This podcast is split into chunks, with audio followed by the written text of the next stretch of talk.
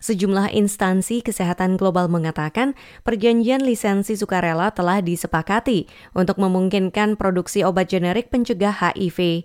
Obat suntik itu adalah yang pertama dan satu-satunya di dunia. Sebelumnya, obat pencegah HIV cabotegravir hanya tersedia dalam bentuk pil dan harus diminum setiap hari atau dalam beberapa hal sebelum dan setelah berhubungan seksual. Tapi obat suntik yang diberikan lewat otot tubuh itu bisa memberi perlindungan selama dua bulan berturut-turut dari infeksi HIV. Hervé Verhusel adalah juru bicara Unitaid, inisiatif kesehatan global yang memelopori perjanjian itu. Ia mengatakan harga obat suntik itu mahal. Di Amerika, pasokan obat itu untuk setahun bernilai 20 ribu dolar. It's a lot of money. That's why that product cannot be used today in low and middle income countries. Itu mahal sekali.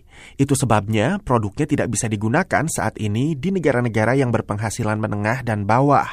Lisensi itu akan memberi pilihan kepada tiga pabrik berbeda untuk mengembangkan obat itu secara generik. Tentu itu akan membantu menurunkan harga obat versi generik. Data dari UNAIDS, program PBB mengenai HIV/AIDS mendapati satu setengah juta orang terjangkit HIV tahun lalu, termasuk sekitar 650 ribu kematian. Verhusel mengatakan kabotegravir akan tersedia untuk orang-orang yang berisiko tinggi di negara-negara sub-Sahara Afrika yang kurang berkembang dan berpenghasilan rendah dan menengah.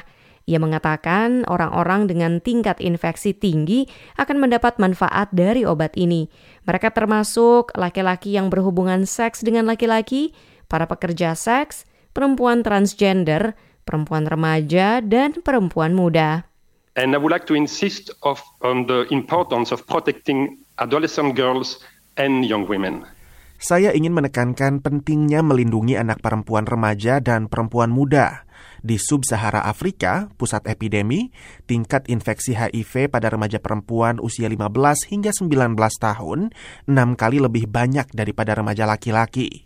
Verhusel mengatakan perjanjian itu akan memberi peluang kepada beberapa pabrik tertentu untuk mengembangkan dan menyuplai kabotegravir versi generik ke 90 negara, di mana lebih dari 70 persen dari semua infeksi HIV baru ditemukan. Ia mengatakan mungkin perlu dua tahun atau lebih untuk mengembangkan produk generik itu. Ia mengatakan harganya yang belum diketahui akan ditentukan kemudian.